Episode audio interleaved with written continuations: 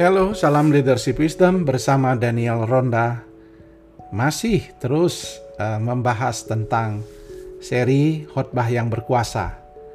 Dan tujuan daripada seri ini saya berharap para pemimpin uh, memperhatikan uh, public speakingnya atau berkhotbahnya karena pemimpin-pemimpin rohani uh, itu memiliki keku, uh, memiliki suatu kemampuan yang penting di samping kemampuan manajerial, kemampuan mempengaruhi, kemampuan memimpin, kemampuan berelasi, kemampuan menciptakan jejaring, tidak kalah pentingnya adalah kemampuan dia berbicara di depan umum.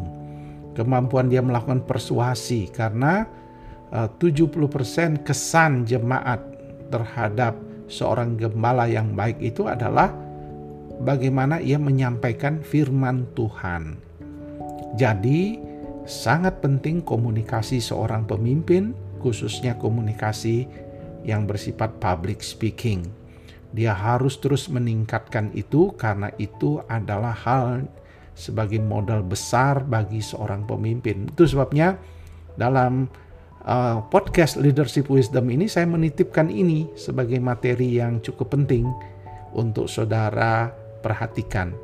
Nah, mungkin walaupun saudara pengkhotbah yang sudah luar biasa, yang sudah sering berkhotbah, tapi tetap saya tetap mengingatkan uh, di podcast awal juga saya sudah mengingatkan, jadikanlah uh, materi ini sebagai manual box atau semacam uh, pedoman kembali setiap tahun atau dua tahun sekali memeriksa khotbah kita. Dan itulah yang kita akan bahas dalam topik kali ini adalah bagaimana kita mengevaluasi khotbah. Jadi kita mau uh, setelah uh, menyusun khotbah dan menyampaikan khotbah, maka hal yang tidak boleh dilupakan adalah bagaimana kita mengevaluasi khotbah. Dan ini yang kurang dilakukan oleh para gembala. Uh, sedangkan di uh, waktu saya studi di Amerika itu uh, mengevaluasi seorang dosen dalam mengajar walaupun dia menulis buku yang hebat uh, orang yang sangat punya nama reputasi internasional yang sangat luar biasa tetap dievaluasi. Begitu pula dengan khotbah-khotbah seorang hamba Tuhan. Dia perlu dievaluasi. Dan ini harus juga menjadi habit atau kebiasaan daripada pengkhotbah-pengkhotbah di Indonesia. Para gembala-gembala perlu dia mengevaluasi. Dan ini kunci yang membedakan seorang pengkhotbah yang besar dan pengkhotbah yang mediocre atau biasa-biasa saja yaitu mereka tidak mau dievaluasi. Nah, itu yang harus diingat. Jadi, jangan lupa setiap khotbah kita atau mungkin uh, tiga bulan sekali kita melakukan evaluasi dari khotbah-khotbah. Tetapi sebelum kita mengevaluasi, maka kita juga perlu mengajar jemaat untuk mendengar uh, khotbah dengan baik. Jadi uh, uh, kalau kita uh, meminta jemaat ataupun orang-orang tertentu di gereja kita memberikan evaluasi, mereka juga harus diajar terlebih dahulu bagaimana mendengarkan khotbah dengan baik. Karena jemaat kalau tidak diajar mendengarkan khotbah dia tidak tahu dia pikir dia sedang mendengarkan lawakan, entertainment, hiburan, motivasi, motivator, dan sebagainya. Ini beda. Jadi dia harus diajar mendengarkan khotbah yang baik ya. Yang pertama eh, kalau kita me, me, apa namanya merujuk kepada pandangan J.C. Riley, dia berkata begini, oh, kita harus ajar jemaat mendengarkan dengan iman. Jadi bahwa statement-statement yang ada di dalam pernyataan-pernyataan kita adalah dari Tuhan dan dia harus menerimanya dengan iman. Sebab dia tidak bisa take for granted. Ketika saudara mendengarkan orang berbicara, jemaat harus menerima dengan iman apa yang disampaikan. Kemudian yang kedua Gizi Riley berkata, orang harus mendengarkan khotbah, jemaat harus mendengarkan khotbah dengan rasa hormat. Jadi dia harus menghargai ya. Karena bu ini bukan firman manusia ini firman Allah. Jadi dia harus hormat ya kepada firman. Dan yang ketiga J.C. Riley berkata harus mendengarkan dengan doa. Jadi jemaat berdoalah memohon berkat. Jadi bukan hanya pendeta yang berdoa, tetapi waktu berdoa, jemaat juga berdoa, dan dia berkata dalam hatinya, Tuhan, hambamu juga mau mendengarkan khotbah, buatlah hambamu mengerti dan menjadi pelaku firmanmu.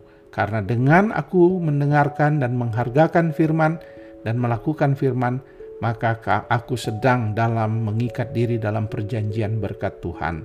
Jadi, kita harus mengajar jemaat mendengarkan khotbah dengan baik.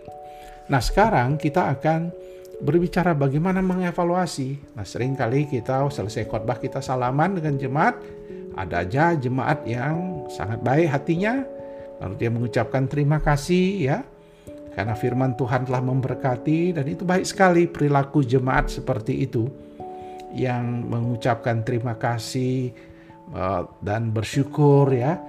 Uh, uh, memang ada yang uh, tidak senang tapi biasanya dia tidak menyampaikan ya uh, akan akan kritiknya tetapi yang kebanyakan adalah yang mengucapkan terima kasih. Walaupun demikian, mungkin itu belum cukup. Itu baju hanya apresiasi uh, yang sifatnya personal ya. Kita bisa berucap syukur dan selalu katakan kalau ada yang memuji khotbah itu dikatakan kemuliaan bagi Tuhan itu dari Tuhan hanya Tuhan yang dimuliakan. To God be the glory ya, hanya Tuhan yang dimuliakan. Nah, bagaimana supaya kita uh, melaku, dapat melakukan evaluasi dengan uh, uh, objektif dengan baik. Maka yang pertama adalah uh, waktu kita mengevaluasi apa saja yang kita lakukan. Ada enam area. Yang pertama adalah pendahuluan. Apakah pendahuluan khotbah saya membuat kesan awal yang baik? Jadi yang saudara evaluasi adalah apakah pendahuluan saudara memiliki kesan yang baik. Karena pendahuluan ini penting. Dicek apakah jemaat terus mau mendengar atau tidak. Nah, ini pendahuluan ini harus diperiksa. Jangan anggap sepele. Yang kedua, pertanyaan yang kedua adalah apakah saya mampu menciptakan koneksi emosional dengan pendengar? Di sini pengkhotbah bisa merasakan jemaat memperhatikan khotbah dengan kontak mata, ya tidak jalan-jalan, tidak ke kamar mandi, tidak lihat jam dan bolak-balik bolak-balik jemaat banyak yang bolak-balik ke kamar mandi atau ke belakang dan sebagainya. Tapi kita memperhatikan keheningan. Ah ini dia memperhatikan khotbah dan ada kontak mata, ada cipta rasa emosional dengan pendengarnya. Coba evaluasi ya. Apakah adakah jemaat meresponi ya mengatakan amin atau haleluya atau mereka tersenyum atau tertawa ketika kita menyampaikan pesan yang menyegarkan dan seterusnya. Jadi, adakah ada koneksi emosionalkah? Yang ketiga, apakah khotbah saya merefleksikan kerendahan hati? Ingat, uh, kita memang harus jujur ngomong firman Tuhan sebagai kebenaran, tetapi metode yang saya maksudkan bahwa apakah jangan sampai mereka merasa digurui Jangan mereka, sampai mereka merasa dihakimi karena yang menghakimi, yang mem, yang menegur adalah Tuhan, bukan manusia. Manusia hanya alatnya.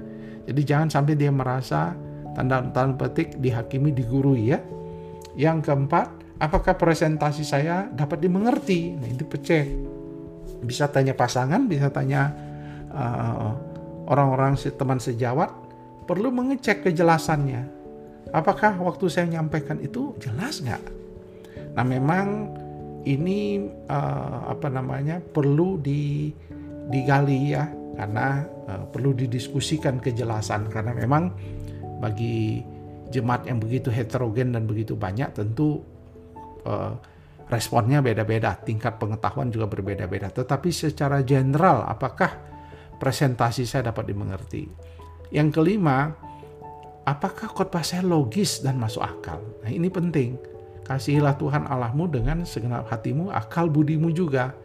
Artinya, apakah jemaat bisa menerima kebenaran itu? Dan yang keenam, apakah khotbah saya Alkitabiah? Nah ini puncaknya penting. Apakah uh, khotbah itu keluar dari kebenaran firman Tuhan? Bukan hanya pemikiran-pemikiran manusia. Itu dikatakan oleh John whiter ya. Jadi jangan sampai uh, apa namanya kita uh, tidak mendapat feedback yang uh, baik ya, melakukan evaluasi yang baik. Jadi enam ini saudara harus periksa sebagai bentuk bagaimana saudara harus mengevaluasi khotbah. Nah, di bagian akhir adalah siapa yang melakukannya.